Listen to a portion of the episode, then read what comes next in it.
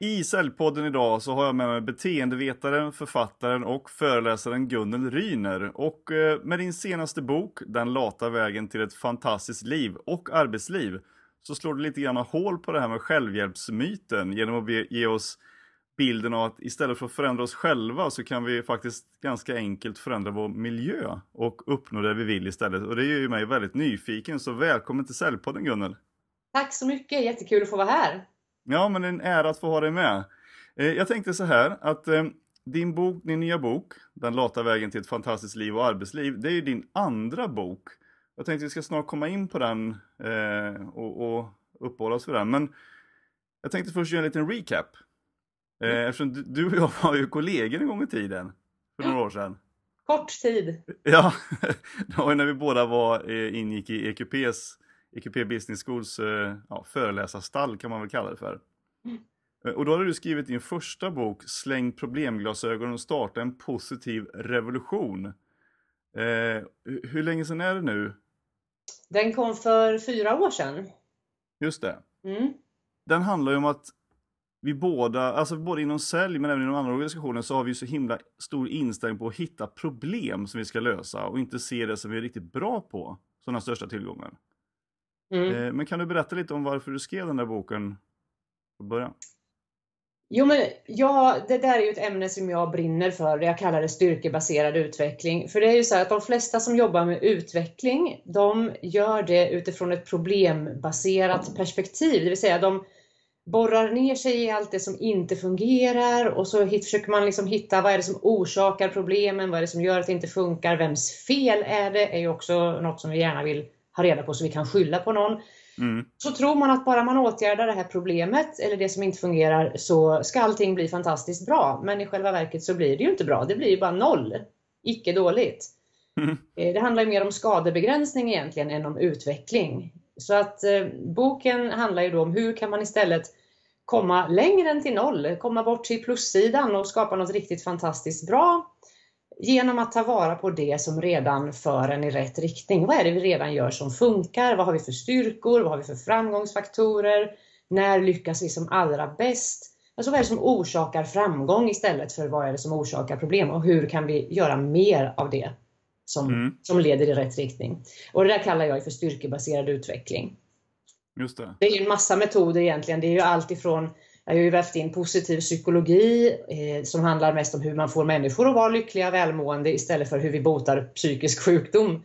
Och jag har vävt in lite organisationsutvecklingsmetoder som appreciative inquiry, det finns en som heter positive deviance, alltså positiv avvikelse. För man kan ju faktiskt rapportera positiva avvikelser också, inte bara de negativa.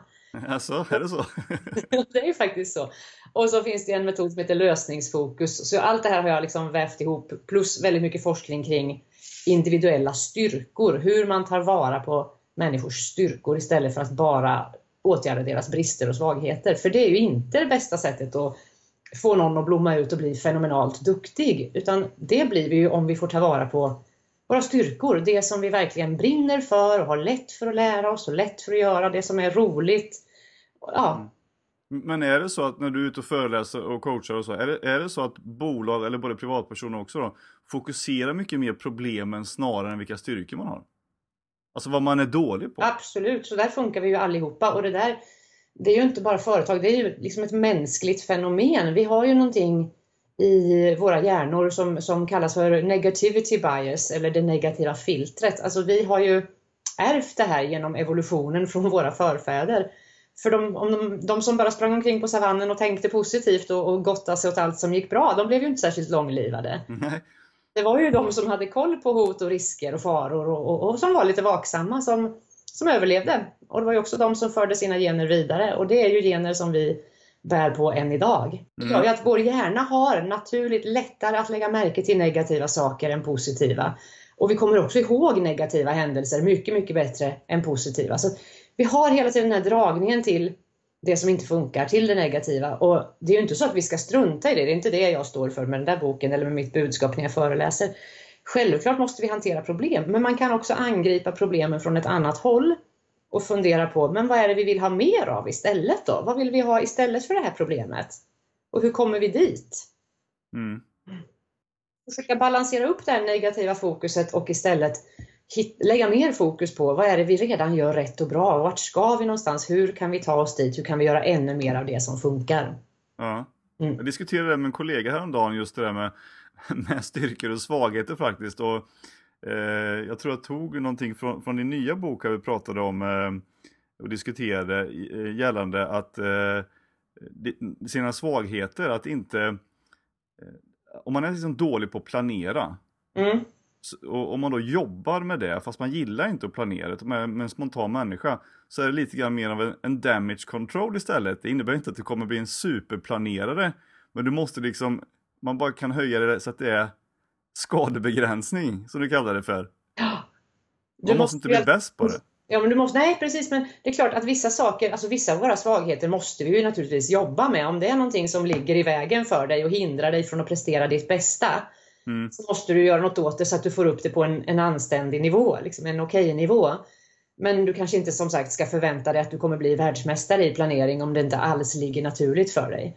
Men du Nej. får åtminstone se till att du blir okej på det så att det inte förstör för dig. Det är alltså samma sak om jag nu skulle vara fullständigt socialt inkompetent och och man inte kan ha mig i rum där det finns andra människor.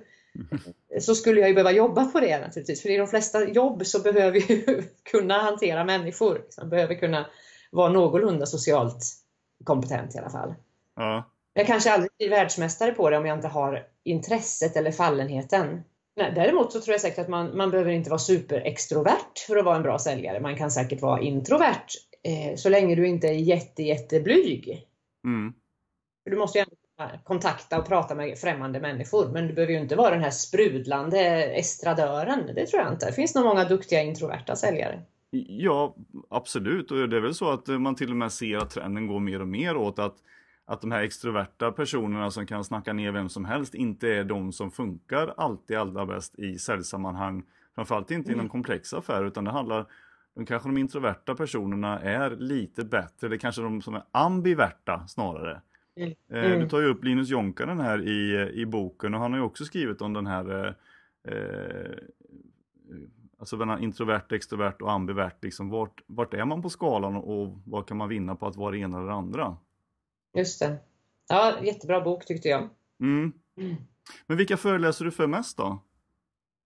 Det är ju alla typer av eh, både yrkesgrupper och organisationer. Allt ifrån höga chefer eh, till eh, städpersonal. Alltså det är verkligen alla kategorier. Och det är alla typer av verksamheter också. Allt från offentlig sektor, det kan vara vård, det kan vara polis, det kan vara andra statliga myndigheter. Det kan vara privata företag inom vilken, ja, alltså nästan vilken bransch som helst. Det jag pratar om är ju väldigt allmänmänskligt. Mm. Så det, det funkar ja, jag tror alla, alla skulle behöva höra de här budskapen eh, om att ta vara på styrkor och jobba mer styrkebaserat och istället för problembaserat hela tiden.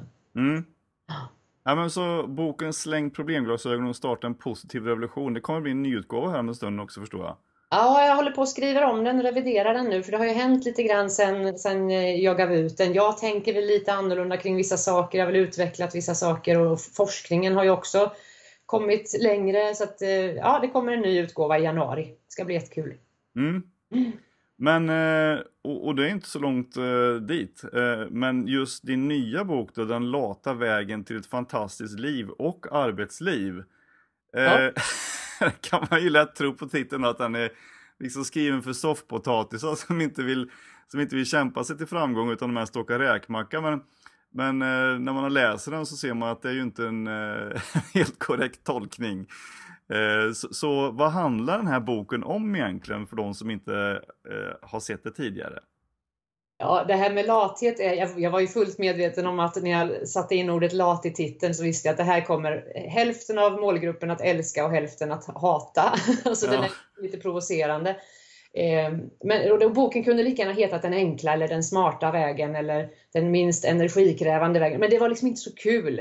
Eh, och den handlar ju inte om att vi ska ligga i hängmattan eller att vi ska säga upp oss från jobbet och lägga ner alla skolor och sjukhus och vägbyggen och bara gå hem och, och inte göra någonting och aldrig vara hjälpsamma och aldrig bidra. Det är absolut inte den typen av lathet. Däremot så är den en liten reaktion på den här klassiska självhjälpslitteraturen som nästan all den handlar ju om att vi ska eh, jobba med oss själva. Du ska tänka positivt och du ska träna mentalt och du ska sätta motiverande mål. Du ska mm. kämpa och du ska anstränga, du ska ha mycket viljestyrka och sådär. Och allt hänger liksom på dig själv. Och, och det här är ju, ja, det här, alltså mycket av det är ju bra. Men det här visar på någonting som jag ofta tycker glöms bort, min nya bok då att vi, vi tänker inte så mycket på att vi påverkas av vår miljö också. Om du har en kass miljö så spelar det inte så stor roll hur mycket du kämpar och sliter och hur mycket självdisciplin och viljestyrka du har. Det är klart att det, det hjälper dig. Men om miljön är helt emot dig, alltså om alla förutsättningar du har runt omkring dig håller dig tillbaka och irriterar dig, dränerar dig, suger energi. Alltså då får du kämpa väldigt hårt. Och då är det så viljestyrka är ju en begränsad resurs. Vi har inte hur mycket som helst av viljestyrka. Förr eller senare om du bara kämpar i uppförsbacke och motvind, då tar ju kraften slut och du ger upp. Eller i värsta fall går du in i väggen för att du, du, du kämpar på för länge. Mm. Eh, så den här boken ger liksom den andra halvan, det som, ja, den bortglömda halvan kanske inom det här med utveckling och hur man når framgång. Och det är att se till att skapa en riktigt gynnsam och bra miljö runt omkring dig. Så kommer du uppleva att det blir så mycket lättare att nå dit du vill. För du kommer få så mycket draghjälp och stöttning och skjuts och inspiration av alla de här miljöerna som de ger dig med. Mm. Mm. Och det kan ju vara allt från människor till saker, platser, hjälpmedel, verktyg, förutsättningar, idéer, influenser. Alltså det finns ett stort miljöbegrepp i den här boken. Ja, just det. Och just det med miljöbegrepp eller miljödesign eh, som man kan kalla det för. Du, du har ju ändå du, du är både utbildat dig själv och framförallt varit utbildare i, på Coachville. Mm. Om, eh, och, och coachat inom en, environmental design som boken då handlar mycket om. Precis. Eh, och du, de skriver ju också i boken att du är den eh, bästa läraren de har haft där. ja, en av dem va? Tror jag ja, det kanske står det. ja, det var ju väldigt smickrande.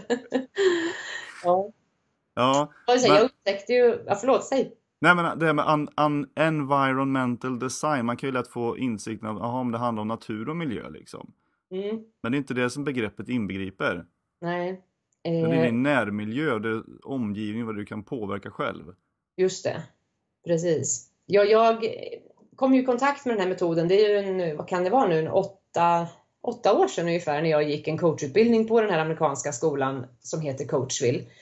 Och det var en ganska lång utbildning på ett år med massor av olika delkurser och då var det den här kursen som hette jag tror den hette Environmental Design då, sen har den också kallats Personal Environments eh, och nu heter den From, From Willpower to World Power.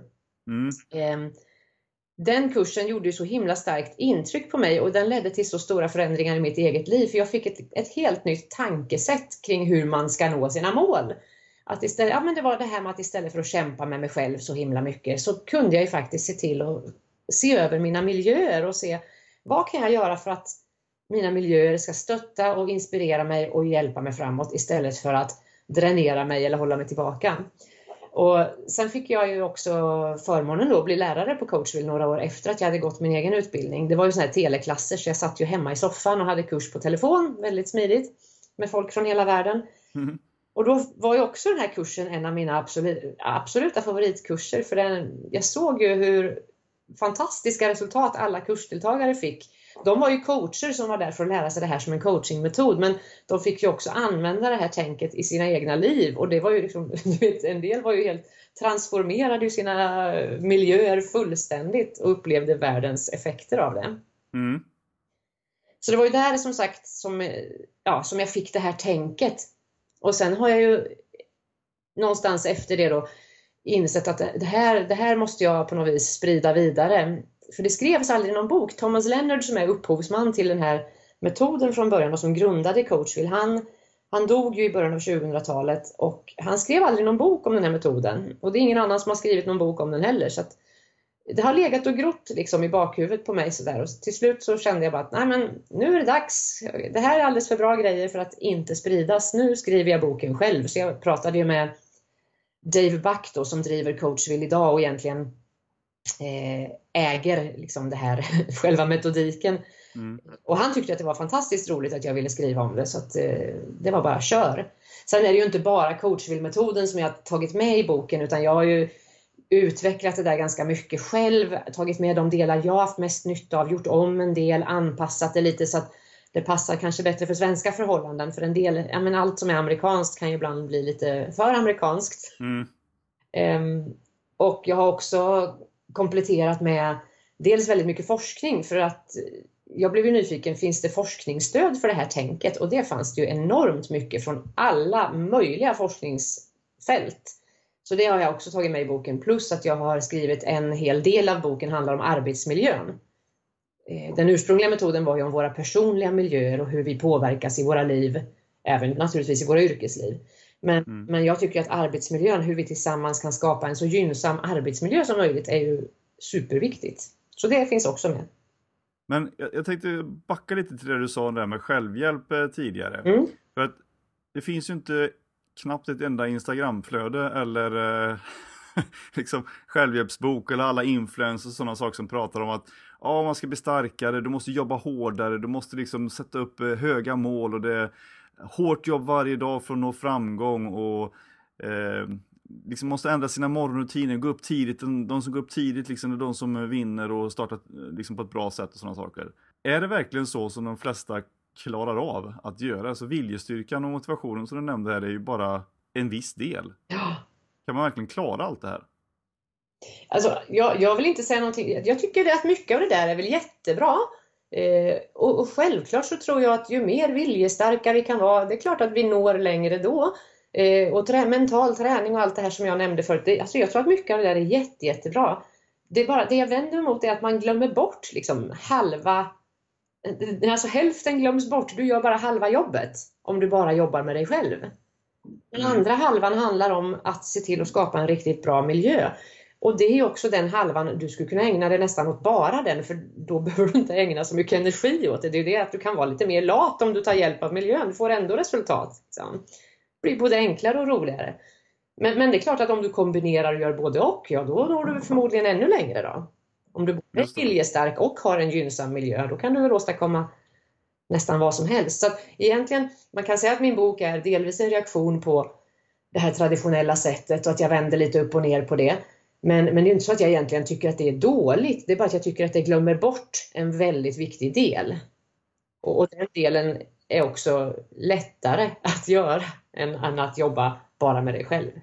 Om man, om man då ska ändra sin omgivning och sin miljö utifrån, jag tänker, man har ju väldigt mycket vanor efter ett tag på ett jobb eller i en relation eller med kompisar. Man, man går dit och man gör sin grej liksom. Ja. man kanske inte trivs särskilt mycket. Och, det var någon undersökning här för, för ett litet tag sedan eh, där 16% av alla svenskar är, är eh, liksom entusiastiska över sitt arbete. Mm. Det är ju väldigt deprimerande att läsa sådana saker. Mm. Eh, men vad kan man då göra Eh, för att förändra sin omgivning och sin miljö? Eh, du har ju, I boken beskriver jag sju olika mm, eh, steg som du kan ta för att förändra miljön. Jag ska inte gå in på alla de här nu, men de tre viktigaste är väl egentligen att se över vad har du som suger energi och håller dig tillbaka, hindrar dig, alltså vad är det som irriterar, stör, dränerar dig? Jag kallar det här för toleranser det är direkt översatt från det här engelska begreppet där de kallar det för, eller den amerikanska metoden, de kallar det för tolerations. Mm. Och det är väl, man kan, vi brukar prata om energitjuvar, men, men det här är ett lite vidare begrepp. Energitjuvar ser man ju ofta som, som människor som suger energi. Mm. Eh, men toleranser, det kan vara allt i din miljö, allt i din omgivning som, som på något sätt hindrar eller frustrerar dig eller håller dig tillbaka gör att det blir onödigt jobbigt. Det kan vara att du har ett stökigt skrivbord, det kan vara naturligtvis människor du har runt omkring dig. Det kan vara att du saknar strukturer, det kan vara allt som du har som är trasigt, som, som tar uppmärksamhet. Till exempel när jag renoverade huset och vi inte fick upp listerna, det är ganska vanligt förekommande. Mm. Hela huset var renoverat men det saknades taklister och golvlister och fönsterfoder och dörrfoder. Och det där irriterade mig något fruktansvärt. Tills jag insåg att jag får ju för 17 fokusera på det som är klart. Liksom. Eh, men att liksom se över sin omgivning och fundera på vad är det som som drar energi från mig och hur kan jag göra mig av med det, allt det och hur kan jag liksom rätta till, fixa, städa upp i högarna, sortera upp papprarna, eh, göra så att det inte finns en massa irritationsmoment helt enkelt. Eller sluta umgås med människor som dränerar mig. Det kan ju vara väldigt många sådana saker. Laga det som är trasigt. Rensa garderoben så att man slipper stå och vara arg varje morgon när man inte hittar några kläder. Alltså, små saker så. Mm. Så att göra sig av med sina toleranser, det är ett steg. Eh, ibland kan du inte göra dig av med saker och ting som stör dig. Det kan ju faktiskt vara så att det är dina barn som irriterar dig delvis, fast du älskar dem ju också, eller hur? Men de kan liksom vara både och. Just det. Vill ju kanske inte, alltså jag brukar säga att man ska eliminera sina toleranser, men du vill ju inte eliminera dina barn. Eh, då får du hitta ett sätt att istället förhålla sig annorlunda till dem så att man inte låter det suga lika mycket energi. Eller att försöka eliminera just den del som stör. Liksom att, jag säga, uppfostra barnen lite bättre eller tala om för, om det är en person du har i din omgivning som, som gör saker som, som suger energi, men då kanske du får ta ett ärligt snack med den personen, alltså kommunicera dina förväntningar eller dina behov lite tydligare. Eh, ibland kan det också bara handla om att du får helt enkelt lov att acceptera vissa saker som du inte kan påverka. Mm. Ändra ditt eget förhållningssätt till det och bara bestämma för att jag tänker inte låta det här suga min energi mer. Nej. Så det kan ju vara olika sätt man gör sig av med en tolerans. Sen har vi ju mm, ett annat steg då, det är att titta på vad är det som redan finns som stöttar mig i det jag vill uppnå? Vad har jag runt omkring mig i form av saker, människor, platser, eh, förutsättningar, eh, influenser eh, och så vidare som, som drar mig i rätt riktning och som inspirerar mig och som ger mig stöd. Det ska du ta vara på ännu mer och verkligen se till att utnyttja maximalt och bygga vidare på tillbringa mer tid med sådana människor som får fram det bästa i dig. Mm. Eh, var i de miljöerna där du är mest kreativ så ofta som möjligt. Alltså titta vad, är, vad har du som är bra, liksom, som du kan dra ännu mer nytta av. Och sen den sista är ju att eh, lägga till det som saknas. Mm. Vad är det du skulle kunna lägga till i din miljö som skulle kunna ge dig ännu mer skjuts i rätt riktning? Och det kan ju vara allt ifrån eh, verktyg och hjälpmedel, till, alltså tekniska prylar, men det kan också vara som när jag startade eget företag så insåg jag att men gud, jag umgås ju inte med någon annan egenföretagare. Jag har inga sådana i mina nätverk eller i mina närmare relationer. Mm. Ja, men jag kommer på, jag känner ju lite folk som driver eget så jag började liksom söka kontakt med dem och gick ut och lunchade och ja, men försökte knyta dem lite närmare så att jag hade någon att bolla idéer med. Likadant när jag började föreläsa mer och mer. Nu har jag gått med, vi startade en svensk talarförening så jag har ett hundratal kollegor som jag har lärt känna. Världens tillgång för mig nu. Alltså, vi bollar ju idéer, det är otroligt generös stämning och vi verkligen lyfter varandra och utbyter erfarenheter, ger tips och råd, tipsar om jobb. Ja, jätte, jättebra nätverk verkligen. Så att lägga till det här som skulle kunna ge dig ännu mera eh, skjuts framåt i livet. Just det. Mm. mm. Ja, jätteintressant. Toleranser, ta bort toleranser, eller, ta hand om och vårda och använd det som redan är resurser i ditt liv och sen eh, lägg till det som saknas. Mm. Jag tänkte på en eh, grej som, som tog upp i boken som kallas för nudging. Mm. Som jag tyckte var lite intressant eftersom eh, om man då vill hjälpa till eh, någon annan att kanske då ändra sitt beteende, att man kan liksom lite smått sådär putta i rätt riktning. Även Just... fast man har flera val så kan man ändå, ja men jag puttar den lite, lite nudging framåt sådär. Mm. Eh, åt dit man själv önskar. Jag tänker mm. på, på sälj till exempel. att Även fast det finns flera varianter på en viss sak så kanske man kan nudga dem åt rätt håll, åt dit man ändå vill. Eh, men men vad, vad inbegrips egentligen i det här begreppet nudging? Men det var bra att du sa det, för det var ju det jag tänkte på förut. Du, du pratade om vanor förut. Ja. Och det är väldigt kopplat till nudging för, för va, våra vanor påverkas ju väldigt mycket av våra miljöer. Vi gör ju likadant. När vi kommer till en miljö där vi brukar bete oss på ett visst sätt så, så gör vi likadant som vi brukar göra. Om du alltid köper en godisbit i godisautomaten på jobbet så kommer den där automaten, den förvandlas ju till en trigger för dig. Så fort du går förbi den så plötsligt står du där med en godisbit i handen fast du inte ens är medveten om att du har gjort någonting. Liksom. Det, du gör saker automatiskt. Vi går ju på autopilot liksom, halva vår tid. Ja. Och då är det ju miljöns utformning som styr. Eh, du gör sånt som du brukar göra för att du, du ser de här signalerna, de här triggerserna i, i miljön som får dig att agera som du brukar agera när du ser de här.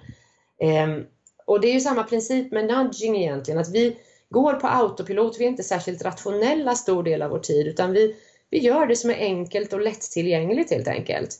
Vi fattar inte alltid rationella medvetna beslut även om vi tror att vi gör det.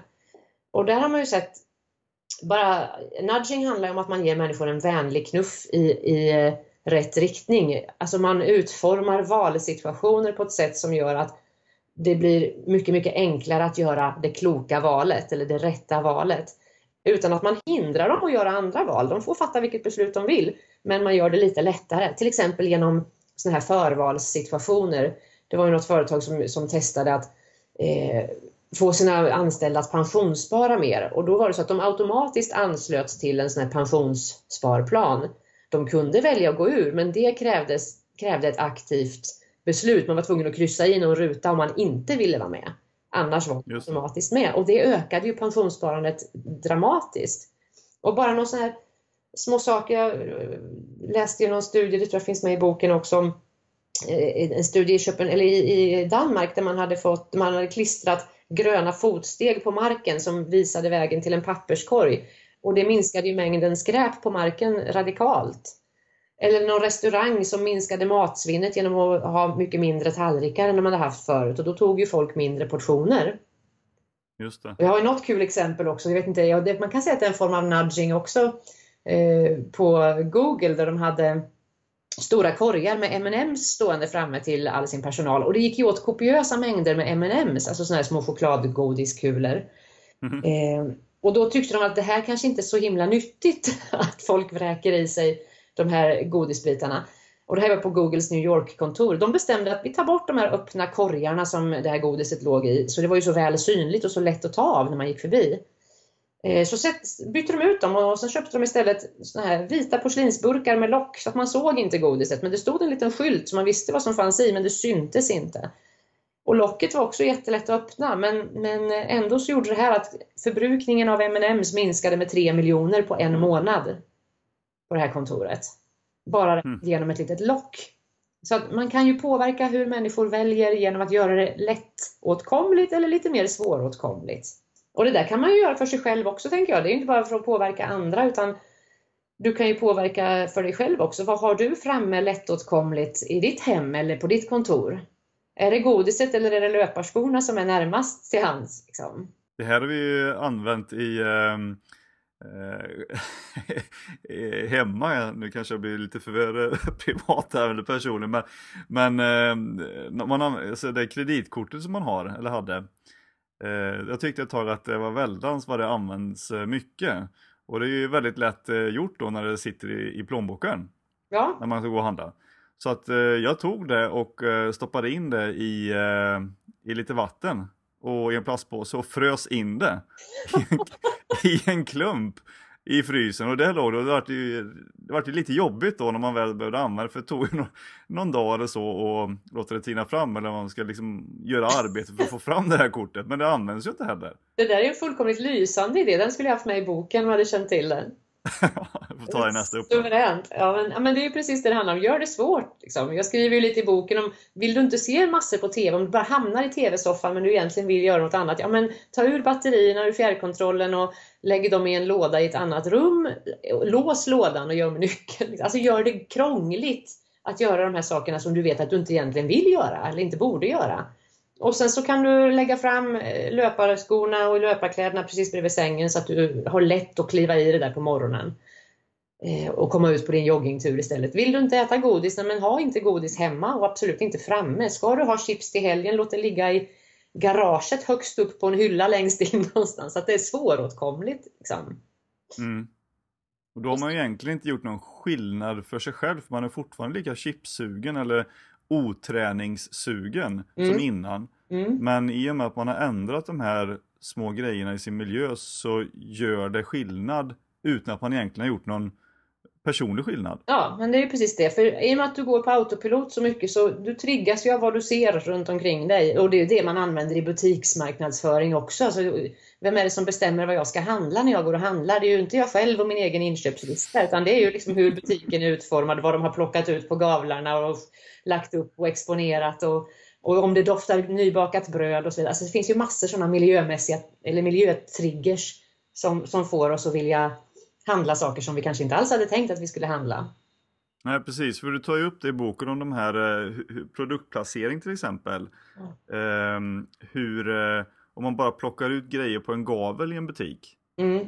Att det ökar liksom omsättningen med, med 1000 procent Mm. eh, i det där fallet. Och även hur man placerar dem på, på butikshyllorna. Att en viss, eh, viss eh, höjd från eh, hakan och neråt så, så ser man mer och det ökar försäljningen mer än, än eh, om man hade ställt den någon annanstans. Mm. Och det är väl lite grann nudging att man påverkar i någon, någon Absolut. riktning. Mm. Absolut, ja men det är det ju. Det är ju hur du utformar miljön kommer att påverka de personerna som, som finns i miljön. Och det kommer påverka, det kan du tänka när du utformar ett kontor också. Hur du möblerar kommer att påverka hur människor jobbar där, hur de samarbetar eller om de inte samarbetar. Eh, Man kan ju möblera så att folk sitter med ryggen mot varandra eller man kan möblera så att folk sitter tillsammans i små grupper och ser varandra. Till exempel. Allt det här påverkar ju våra beteenden. Jag tänkte på beteende, eh, det är ju snart bara någon eh, månad kvar till eh, nyår. Mm, och det här med nyårslöften. mm. Jag vet inte hur det går med dina nyårslöften år, från år till år, men Jag har slutat med det där. har du gjort det? Det är ingen idé längre. Ja, men det står ju här att varför 80% av alla nyårslöften bryts. Ja. Kan vi, kan vi kommentera lite om det där eftersom det är väl typisk viljestyrka och motivation tänker jag som inte riktigt når fram. Mm. Det där är ju, det, finns ju massor med studier som visar, det kan nog vara olika siffror, men jag såg någon stor studie, jag tror det var 15 000 personer om jag minns rätt, som, som hade svarat på den här undersökningen och, och 80% av nyårslöftena bröts. Och vad det handlar om, tror ju många forskare, det är att vi försöker förlita oss på vår egen viljestyrka. Vi tror att bara jag är tillräckligt motiverad och viljestark och har mycket självdisciplin så ska jag fixa det här. Mm. Och sen går det ju sällan så då. Och, och grejen är, det var som jag var inne på förut, viljestyrka är en begränsad resurs. Den tar ganska snabbt slut. Vi är inte så värst duktiga på att hålla fast vid beslutade förändringar och det är därför vi behöver istället ta hjälp av miljön och se till att göra det lätt att hålla fast vid de här förändringarna.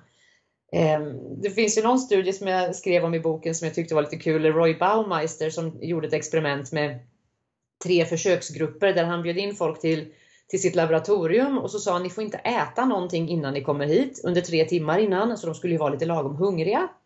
Och sen fick de då, de delades in i tre grupper. Den, grupp 1 fick ett fat med jättegoda kakor, väldigt frestande kakor, som de fick höra att de här får ni inte äta av, de ska bara stå här. Och så fick de ett fat med rädisor som de fick äta hur mycket de ville av. Var kanske inte lika frestande. Och sen var det grupp 2, de fick också både kakor och rädisor, men de fick, säga, eller de fick höra att de fick äta precis vad de ville, hur mycket som helst. Och grupp 3, de stackarna fick ingenting överhuvudtaget att äta. Och sen fick de sitta i de här situationerna bara, titta på sina rädisor och kakor eller på ingenting eh, ganska länge. Och efter en stund så gav man dem då en uppgift att de skulle lösa ett antal geometriska pussel som man sa att det var, det här är ganska lätta pussel, nu ska ni försöka lösa de här. Men det var jättesvåra pussel, de var faktiskt till och med omöjliga att lösa. Och resultatet här blev ju att den eh, grupp 2 som hade fått äta vad de ville och grupp 3 som inte hade fått äta någonting, det var tomma fat, eller de fick väl inte ens några fat. De kämpade på väldigt länge med de här pusslen. Mycket längre än de här i grupp 1 som bara hade fått sitta och titta på kakorna men inte fått röra dem. För de hade redan gjort av med all sin viljestyrka i princip att verkligen så uppbåda sin självdisciplin att låta bli kakorna. Så de hade inte så mycket kvar. Så de gav upp ganska snabbt med de här pusslen. Och det här är ju bara ett exempel, men, men så här funkar vi i vardagen också. Ju mer du använder din viljestyrka i vardagen, desto svagare blir den. Och till slut så har du inte så mycket kvar och då faller du tillbaka i dina gamla vanor igen. Mm. Om du inte har skapat en miljö som verkligen gör det lätt att hålla fast vid vanorna. Jag tänker precis på ett exempel här som är typiskt som alla som jobbar med försäljning säkert kan känna igen sig i.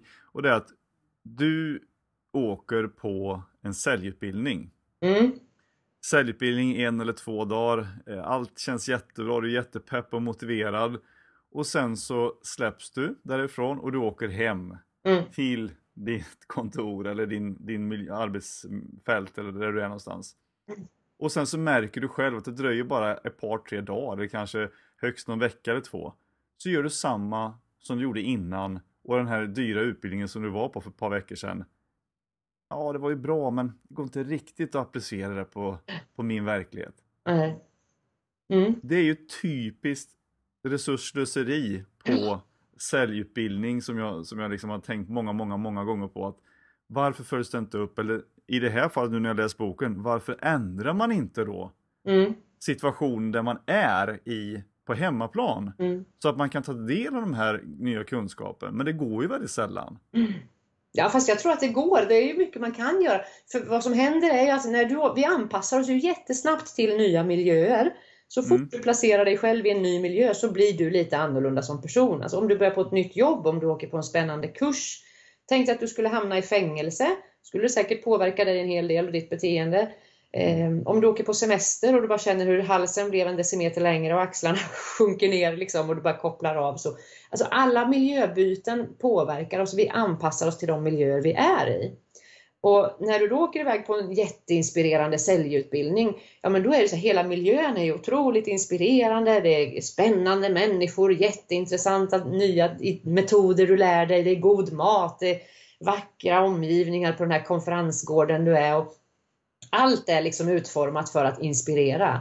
Och då blir du så här, wow, jag är en ny människa, liksom, jag är för, mitt liv är förändrat för alltid, jag ska från och med nu leva precis i enlighet med allt det här bra jag har lärt mig. Och sen när du kommer tillbaka till din vanliga miljö, då är det ju tyvärr så att den har ju inte förändrats. Och du anpassar dig tillbaka till den ganska omgående också. Och då blir du precis som du var förut också. För alltså, vi påverkas av den miljö vi är i.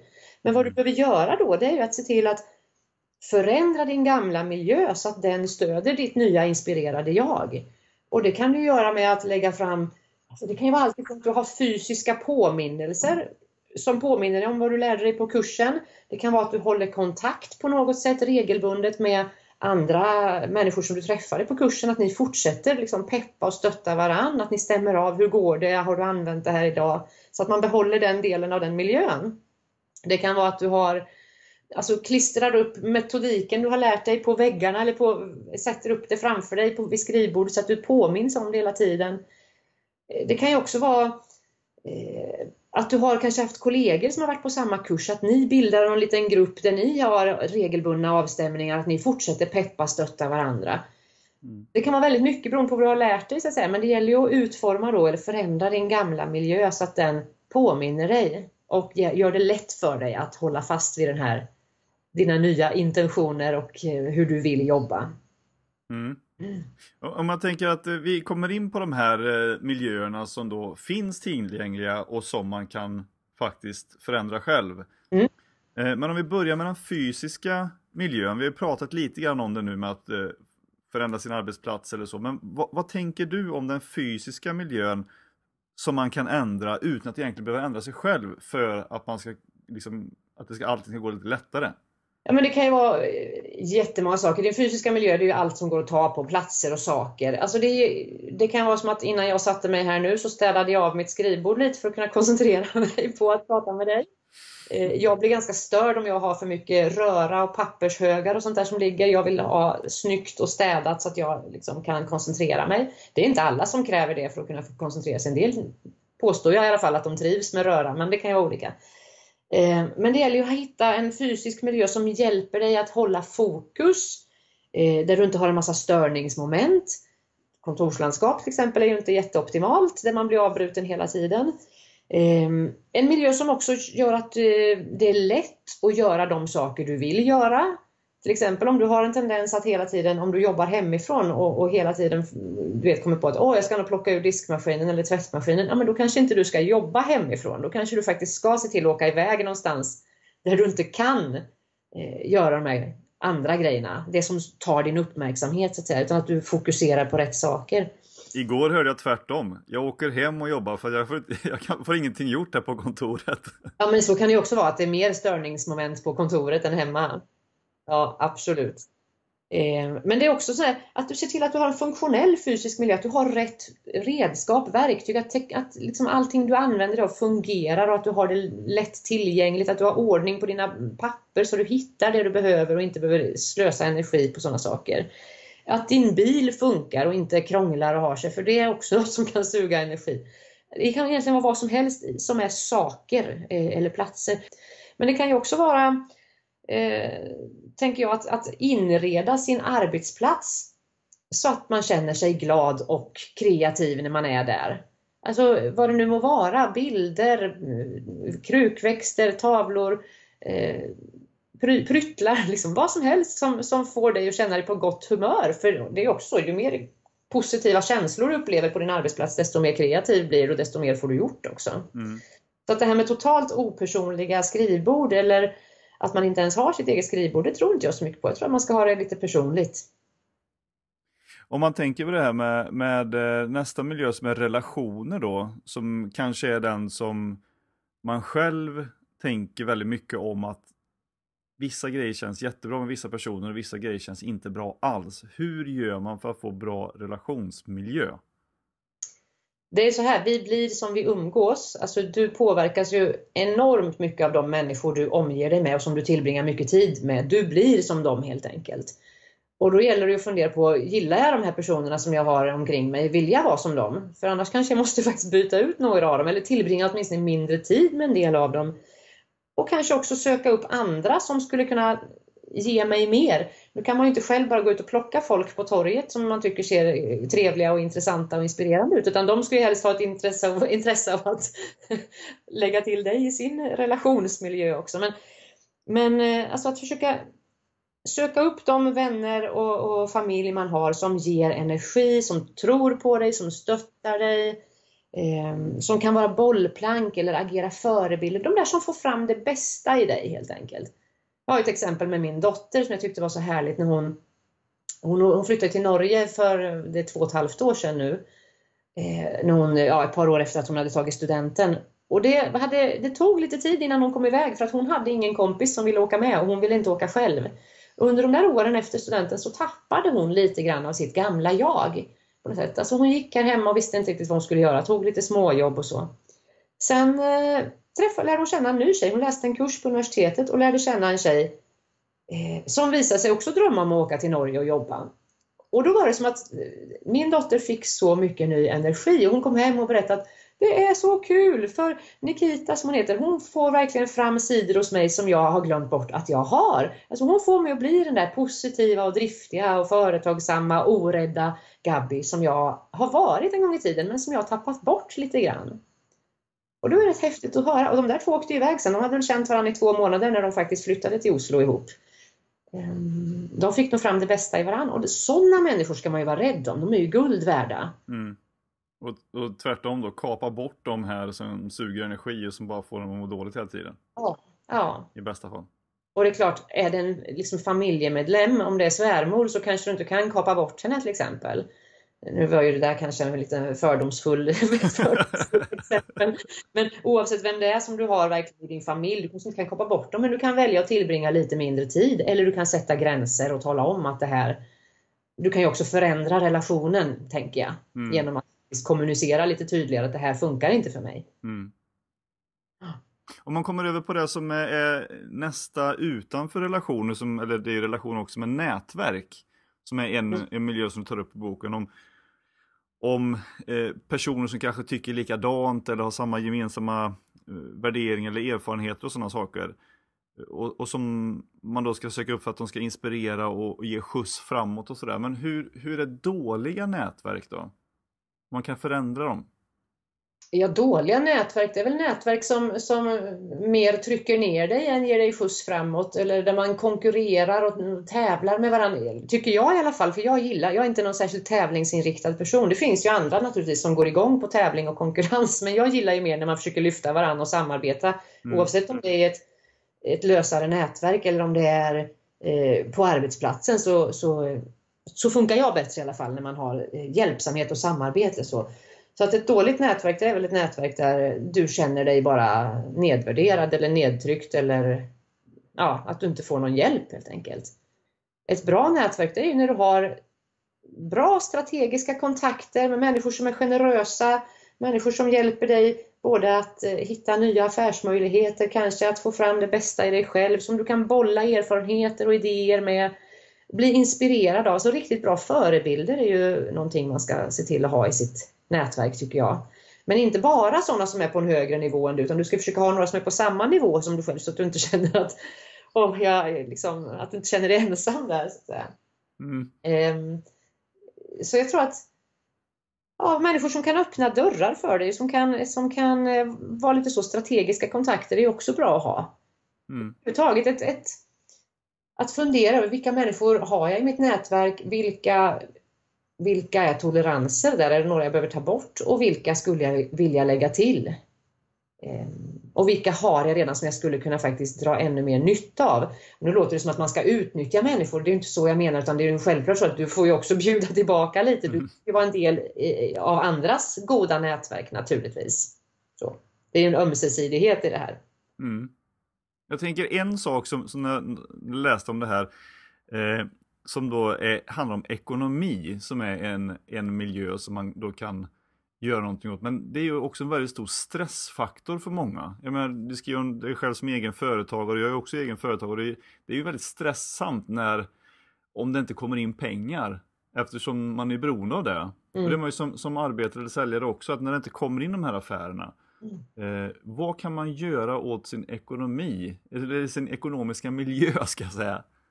Ja, men den, den, ekonomiska miljön består av allt som har med pengar att göra. Det är allt ifrån hur mycket du tjänar, dina inkomster, till dina utgifter och ditt sparande och investeringar, men också dina rutiner och eh, hjälpmedel, tjänster eller verktyg som du använder. Eh, trygghetssystem, a-kassa, försäkringar, men också rådgivare om du har till exempel en, en bank, personlig bankman eller försäkringsrådgivare eller någonting. Så allt det där ingår i den ekonomiska miljön och mycket av det kan du göra något åt. Du kanske inte alltid känns som att du kan göra så mycket åt dina intäkter, fast det kan du ju också naturligtvis. Eh, men, men du kan ju definitivt fundera över hur, hur ser mina rutiner ut kring pengar? Så att jag har, har jag ordning och reda? Har jag koll på läget? Har jag en budget? Eh, har jag anpassat mina utgifter efter de inkomster jag har?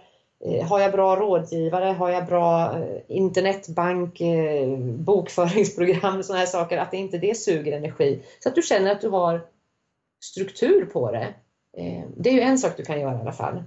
Du kan ju också fundera över ditt eget förhållningssätt till pengar. Det är också en del av den ekonomiska miljön. Hur du tänker kring pengar kan man ju fundera över.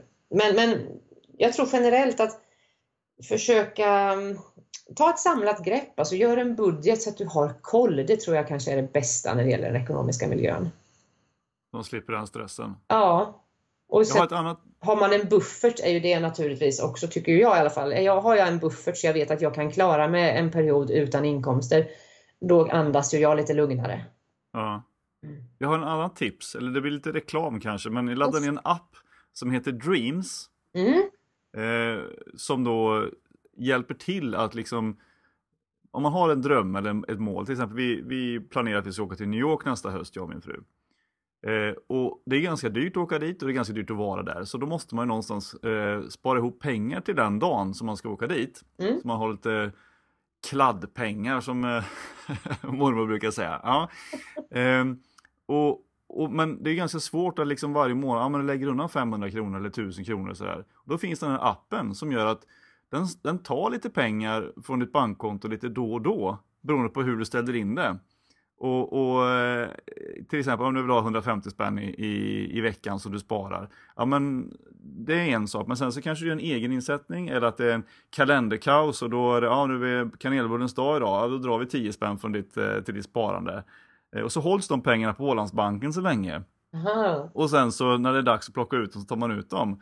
Och jag menar utan att tänka på att man har sparat, man kan liksom lägga att ja, men jag köpte ingen kaffe idag, men då blir det 30 spänn till, till New York-resan istället. Mm. Och utan att man har märkt det, så är det liksom flera tusen kronor sparade på bara ett par månader. Sådana här små grejer. Mm. Och det är att vi har inte förändrat någonting, jag har inte, jag har inte gjort någonting mer än att appen sköter det. Ja. Ja, men det är ju ett jättebra exempel. Ja. Till någonting ja, var... i din ekonomiska miljö, någonting som sköter ditt sparande och gör det lite kul. Precis. Mm. Eh, och, och något som är, jag är, gör alldeles för lite men som jag tycker är roligt det är att vara ute i naturen. Ja, den femte miljön. Ja precis, och du är ju hundägare så du är ute ganska mycket också. Så är det ju. Och det är ju så här, natur är ju, alltså naturen det är ju ganska självklart att det kan ses som en miljö då, men, men det är ju kanske en av de viktigare också. Vi människor är ju anpassade för att vara mycket i natur. Vi ska vistas i naturen. I, i Japan har man ju till och med infört något som de kallar skogsbadande i det nationella folkhälsoprogrammet. Alltså att man ska gå ut och bara vara i skog för att det har så mycket välgörande effekter både på vår hälsa och eh, vår kreativitet. Vi blir lite smartare till och med av att vara ute i naturen och vi mår mycket, mycket bättre. Och Mm. Det har man ju sett i massor av studier. Så att, att få in naturen på något sätt regelbundet, antingen om du går ut på lunchen och bara sätter dig under ett träd eller om du försöker faktiskt komma ut i skog eh, och mark eller eh, till havet eller en sjö eller vad det nu må vara, ut i trädgården. Liksom. Det kan också vara att gå och sätta sig på torget på lunchen bara och hitta ett träd och mata duvor någonting. Eh, man har ju också sett att om man tar in naturen i kontorsmiljön så blir man också mycket, mycket mer kreativ och produktiv. Om du tar krukväxter, levande växter eller till och med bilder med naturmotiv höjer din kreativitet. Mm. Och utsikt mot natur är också bra. Så att du behöver inte ens vara ute i naturen. Det, det kan, det, du får effekt bara av att ta in naturen lite grann. Just det. Mm. Och då är det ganska enkelt gjort att bara ta en liten promenad för att rensa tankar och oftast må lite bättre. Ja. En sak som, som också som du tar upp är ju det här med teknologisk miljö eller Mm. eh, teknologi. Och det är ju i och med att det, det kan skapa ett stressmoment för många att ja, men nu är det massa appar och det är VR-glasögon och man ska eh, ha sina digitala armband och klockor och telefon och sådana saker. Mm. Och jag, jag, jag kan själv uppleva att, att teknologins, jag, jag älskar ju teknologi, men att det också för med sig vissa nackdelar Mm. märker man i sociala sammanhang. Många sitter ju liksom och bara blippar på sin mobil istället för att snacka med varandra till exempel. Mm. Hur, hur ser du på att förändra den teknologiska miljön? Alltså det finns ju som du säger både plus och minus där. Teknologisk miljö, där lägger jag in både alla tekniska prylar vi använder, dator, mobil och så vidare, GPS, teknikarmband och allt vad det heter. Eh, men också sociala medier, alla virtuella mötesplatser får ingå i den här teknologiska miljön. Och det är klart att vi har ju enorm nytta av alla dessa tekniska hjälpmedel. De kan ju göra livet så mycket lättare för oss och vi har tillgång till hur mycket kunskap och information och tips och råd. Alltså vi har ju allt bara en knapptryckning bort. Men det finns ju också nackdelar med den här ständiga uppkopplingen. Så där Mm. gäller det ju att fundera över sin egen miljö. Alltså, hur behöver jag ha det? Jag har en kompis, han har till exempel infört skärmfri söndag. Det, på söndagar använder vi inte skärmar överhuvudtaget. Eh, Jag har ganska många som har eh, lagt ner vissa sociala medier utan att nämna några namn. Att man inte är med där helt enkelt därför att det tar för mycket tid. Det Mm. finns ju inget som säger att, att alla måste göra så. Jag är fortfarande kvar på flera sociala medier och för mig är det viktigt i min roll som företagare. Det är ju så jag säljer Mm. väldigt mycket. Eh, Men man måste ju fundera på vad, är, alltså vad, vad funkar bäst för mig? Vad mår jag bäst av? Vilka hjälpmedel ska jag ha och vilka ska jag kanske vara utan? Och kanske Mm. också bestämma några sådana här regler för sig själv så att man inte bara inser att hela dagen har gått och jag har inte fått någonting gjort för jag har suttit på Facebook. Eh, en, eh, om, om vi hoppar vidare till nästa här som, är, jag, som jag själv tyckte var liksom wow, eh, vad mycket som ligger i det här och det är den memetiska miljön. Mm. Eh, och begreppet mem då som du skriver är ju eh, kommer från Richard Dawkins, evolutionsbiolog, att ett beteende är en stil som sprids från person till person i en kultur. Mm. Men tänk så mycket memetisk miljö man ändå har runt omkring sig om man börjar fundera lite. Mm. Eh, jag såg på Kockarnas kamp här på TV4 för ett tag, så det var en, eh, hon eh, Linn där, kock Linn, som sa varför säger man vissa saker i köket? Till exempel att man steker kött, att ja, men då stängs porerna. Men varför säger man det? Det finns ju inga porer i en, i en köttbit. Nej, det det ja, men det är någon som har sagt det liksom. Nej. Och då sprids det vidare. Och så är det något som man säger bara. Ja. Det har jag aldrig tänkt på. Ja, då lärde jag mig något nytt. Det finns inga porer. Ja, men inte i en muskel, det är ju en köttbit. Ja, det är klart. Varför säger man så? Ja. Det har jag aldrig tänkt på faktiskt. Nej, men det är typisk, en typisk mem. Så. En mem är ju någonting, det kan vara alltså, idéer, normer, influenser, beteenden, värderingar, sånt som sprids liksom, i en familj eller i en kultur eller i ett samhälle eller från generation till generation. Det är alla de influenser som vi har runt omkring oss. Man pratar om internet memes, men, men egentligen så är ju inte bara det som sprids via internet memer, utan vi har memer runt omkring oss överallt om man ska se till den här Richard Dawkins definition. För vi tar ju in idéer från vår omgivning, från, vi imiterar, det kan vara traditioner, vanor, kulturella beteenden, sedvänjor och så vidare. Och vi har massor av influenser i form av media, tv, tidningar, podcasts, bloggar, böcker, eh, film, musik, blogg, all typ av information som vi liksom får över oss hela tiden. Vi sköljs ju över, eller vi översköljs ju av, av massor av memer hela tiden. Det, fullständigt, alltså hela, det här har ju fullständigt exploderat kan man säga under senare år med all ny teknik också. Och det gör ju också att vi måste fundera på vad är det jag tillåter komma in i min hjärna? Alltså vad är det jag släpper in? Mm. Och låter mig påverkas av. För alla de här grejerna påverkas vi av. Det kan vara allt ifrån värderingar du har fått med dig i familjen som hindrar dig i yrkeslivet. Jag skriver i boken om en kvinna jag coachar som insåg att alla hennes styrkor pekade mot att hon borde bli chef. Men hon hade fått lära sig hemifrån att chef, det blir man inte. För chefer det är liksom representanter för fienden. Så. De var, men det var så, arbetarfamilj, man hade traditionella arbetarvärderingar. Man skulle inte bli chef, man skulle inte göra karriär, det var fult. Hon satt ju och grät hos mig när hon insåg att varför hon inte ville bli chef. Hon hade inte tänkt på att hon hade med sig det här hemifrån. Men hon, mm. hon bestämde sig för att bryta med det och, och, faktiskt följa sin egen väg ändå. Och idag är hon chef och, och det går jätte, jättebra, vilket är fantastiskt kul. Men, men, så det kan ju vara sådana saker vi har med oss från familjen, men det kan ju också vara memer, normer, idéer i samhället. Och vi lever ju dessutom i de här filterbubblorna som man pratar om idag, att vi, det kanske också är så att vi påverkas av en begränsad mängd eh, idéer och influenser. Mm. Utifrån vad Google och Facebook tror att vi vill ha som bekräftar den världsbild vi redan har. Det finns ju ganska mycket i det här som jag tycker är intressant. Vad i allt detta liksom låter vi oss bli påverkade av? Mm. Och där kan man ju också se över, vilka influenser vill jag låta mig påverkas av? Vilka bloggar, poddar, media och så vidare tycker jag lyfter mig? Och inspirerar mig och vilka kanske bara sänker mig eller får mig att känna att allt är hopplöst eller ger mig dåligt självförtroende. Ja, men bort med dem! Ja.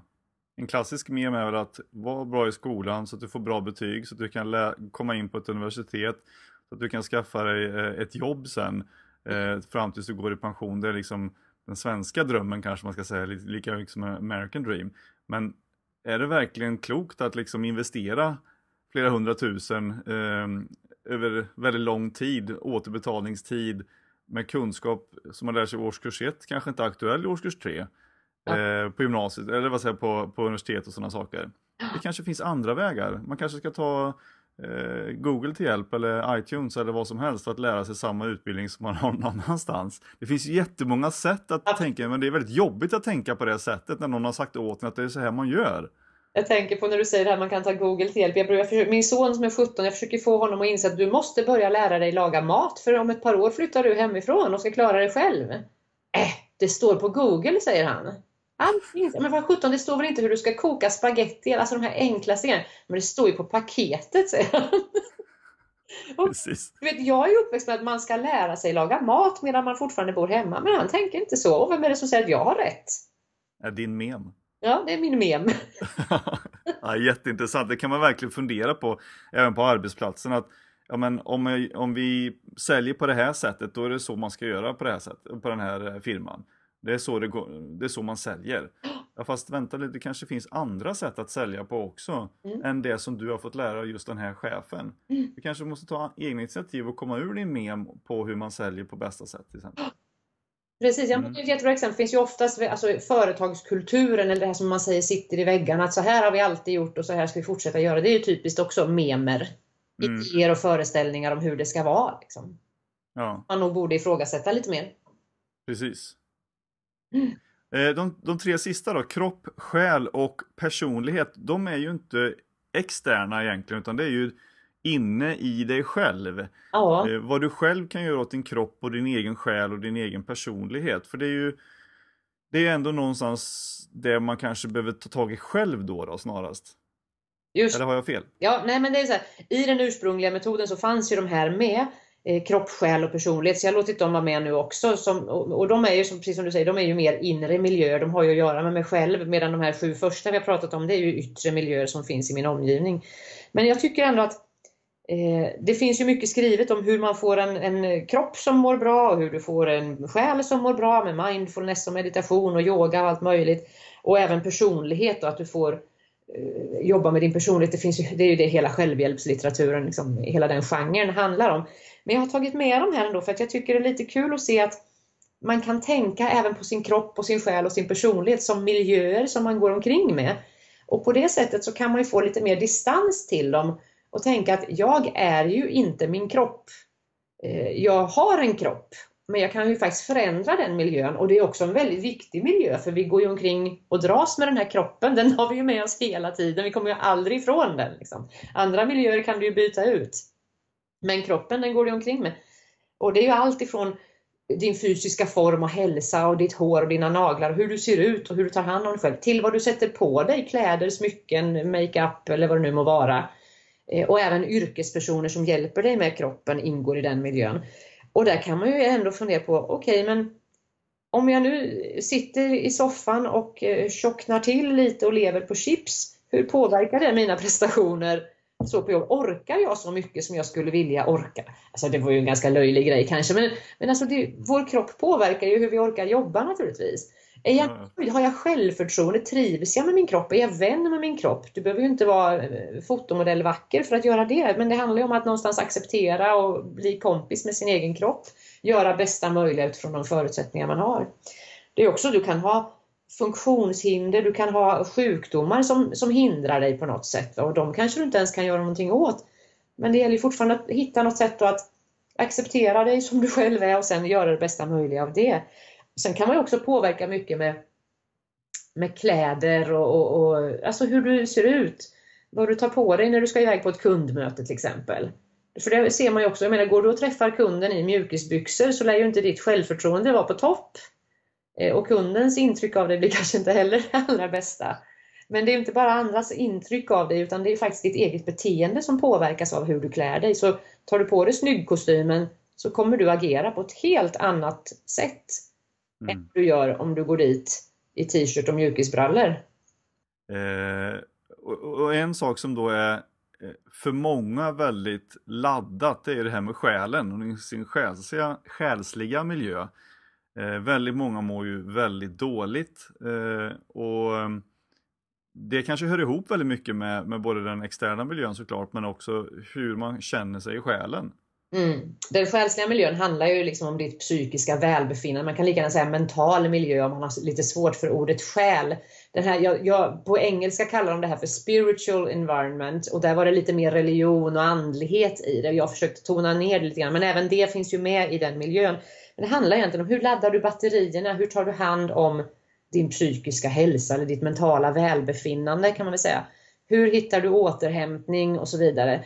Har du några rutiner och där har vi ju allt det här med mindfulness och yoga och meditation. Men också naturen har ju en stark koppling till den själsliga miljön. Att för vissa kanske det faktiskt är i naturen som jag vårdar min själ. Eller ser till att få ny energi. Mm. Så. Och sen har vi den sista med personlighet också, om vi ska nämna den lite kort. Eh, det är ju allt det här som vi har i den traditionella personliga utvecklingen. Du kan ju faktiskt förändra din personlighet också till viss del. Vi utvecklas ju med åren och du kan ta vara på och finslipa dina styrkor, du kan försöka åtgärda dina svagheter, du kan byta ut begränsande övertygelser du har om dig själv mot mer, eh, vad ska man säga, mer konstruktiva övertygelser. Alltså du kan ju jobba med och utveckla dig själv som person också. Och det är klart att om du har bra självkännedom och har koll på dina styrkor och svagheter och så vidare, då har du också bättre förutsättningar att lyckas ta dig dit du vill än om du inte alls har någon koll på din egen personlighet. Eller om du har en personlighet som den kan ju också hindra dig om du är en sån där som bara ser problem och hinder och, och inga möjligheter överhuvudtaget. Nej. Och jag tänker också att personligheten ändras ju hela tiden. Men jag hoppas verkligen, verkligen, verkligen att inte jag är samma personlighet som jag var för, för 10-20 år sedan. För det var ju, det kan man se tillbaka på och tycka att man var oerhört naiv och, och eh, konstig på många sätt och jag hoppas att den personlighet man har nu inte är samma om 10-20 år heller eftersom man lär sig ju hela tiden. Ja. Det jag det är konstigt att säga att ja, men jag är sån här. Ja, du är sån här just nu, men du kan ju trots allt förändra dig. Mm. Beroende på, som du sa innan här, men du, hamnar du i fängelse, ja men då är du inte så som du är nu. Eller om du hamnar på en Nobelmiddag, ja, men då lär du inte vara sån som du är nu, för då åker du ut. Mm. Ja, det finns ju mä- mängder med såna här, eh, ja men jag är sån här. Det är min personlighet. Mm. Ja, för tillfället, men om du Mm. blir en munk en stund, eh, eller någonting annat, du går ut på en jorden runt-resa och får nya influenser, då är din personlighet något annat sen. Ja, precis. Men du, hur får man tag i den här nya boken då? Ja, den finns överallt i nätbokhandeln och på, ja, den finns väl på vissa fysiska bokhandlar också, men framförallt Bokus och Adlibris. Just det. Finns det. Jag har bestämt mig för att den här gången ska jag vara lite mer lat och inte sitta och distribuera böcker själv, utan eh, jag kör det där genom en distributör och så nätbokhandeln. Just det. Men, men Mm. det vi inte har sagt är ju faktiskt att det, det är ju en arbetsbok där också. Den, den är ju väldigt fylld av, av egna, alltså vad man, vad man själv kan skriva i och, hur, och ta reda på liksom hur de olika miljöerna ser ut och vad man kan göra åt det. Så det är inte bara en, en textbok i det sammanhanget utan det ger ju väldigt mycket att experimentera och eh, arbeta med själv också. Absolut, det är som flera har sagt som har test, var testläsare åt mig här innan den kom ut, att det här är inte en bok man bara läser, det är en bok man gör. Så det här med att vara lat, man får inte vara hur lat som helst, för det krävs att du lägger ner en insats. Det är väl så jag tänker också med, med miljöer. Får lägga ner en insats, se över var och en av dina miljöer, gå igenom och fundera på vilka förändringar du vill göra och så gör du de förändringarna. Sen kan du luta dig tillbaka och vara lite mera lat. För då kommer du ha sån hjälp av de här miljöerna, att, att de drar dig i rätt riktning och du kan spara lite grann på din viljestyrka och din självdisciplin. Du behöver inte köra slut på dig själv. Eh, men om man lyssnar på det här och tänker att eh, men Gunnel är precis den personen som vi behöver ha här på vår arbetsplats och, och komma hit och föreläsa och utbilda oss. där. Hur kommer man enklast i kontakt med dig? Eh, Ja, man kan gå ut på min hemsida gunnelryner.se. Eh, jag finns på LinkedIn, jag finns på Facebook, jag har en sida där som heter Gunnel Ryner. Jag finns eh, på Instagram, där lägger jag kanske lite mer ut så här händelser i livet och inte så mycket yrkesmässiga tips. På LinkedIn och Facebook kommer det väl mer eh, tips och inspiration, blogginlägg, artiklar och, sånt. Ja. Ja, men vi kommer lägga, lägga, lägga länkar till detta på, under avsnittet också på säljpodden.se. Så att jättestort tack Gunnel för att du tog dig tid och berättade om dina tankar och idéer om, om boken och hur man kan förändra sin miljö. Och så för, mig, för min egen del liksom öppnar upp jättemycket nya tankar om vad jag själv borde förändra. Kul! Så, ja, tack! Så, så stort lycka till med boken och kommande föreläsningar nu i ämnet här framöver. Tack så jättemycket, det var jätteroligt att jag fick vara med. Det var jättehärligt. Ha det bra nu. Detsamma. Hej! Hej!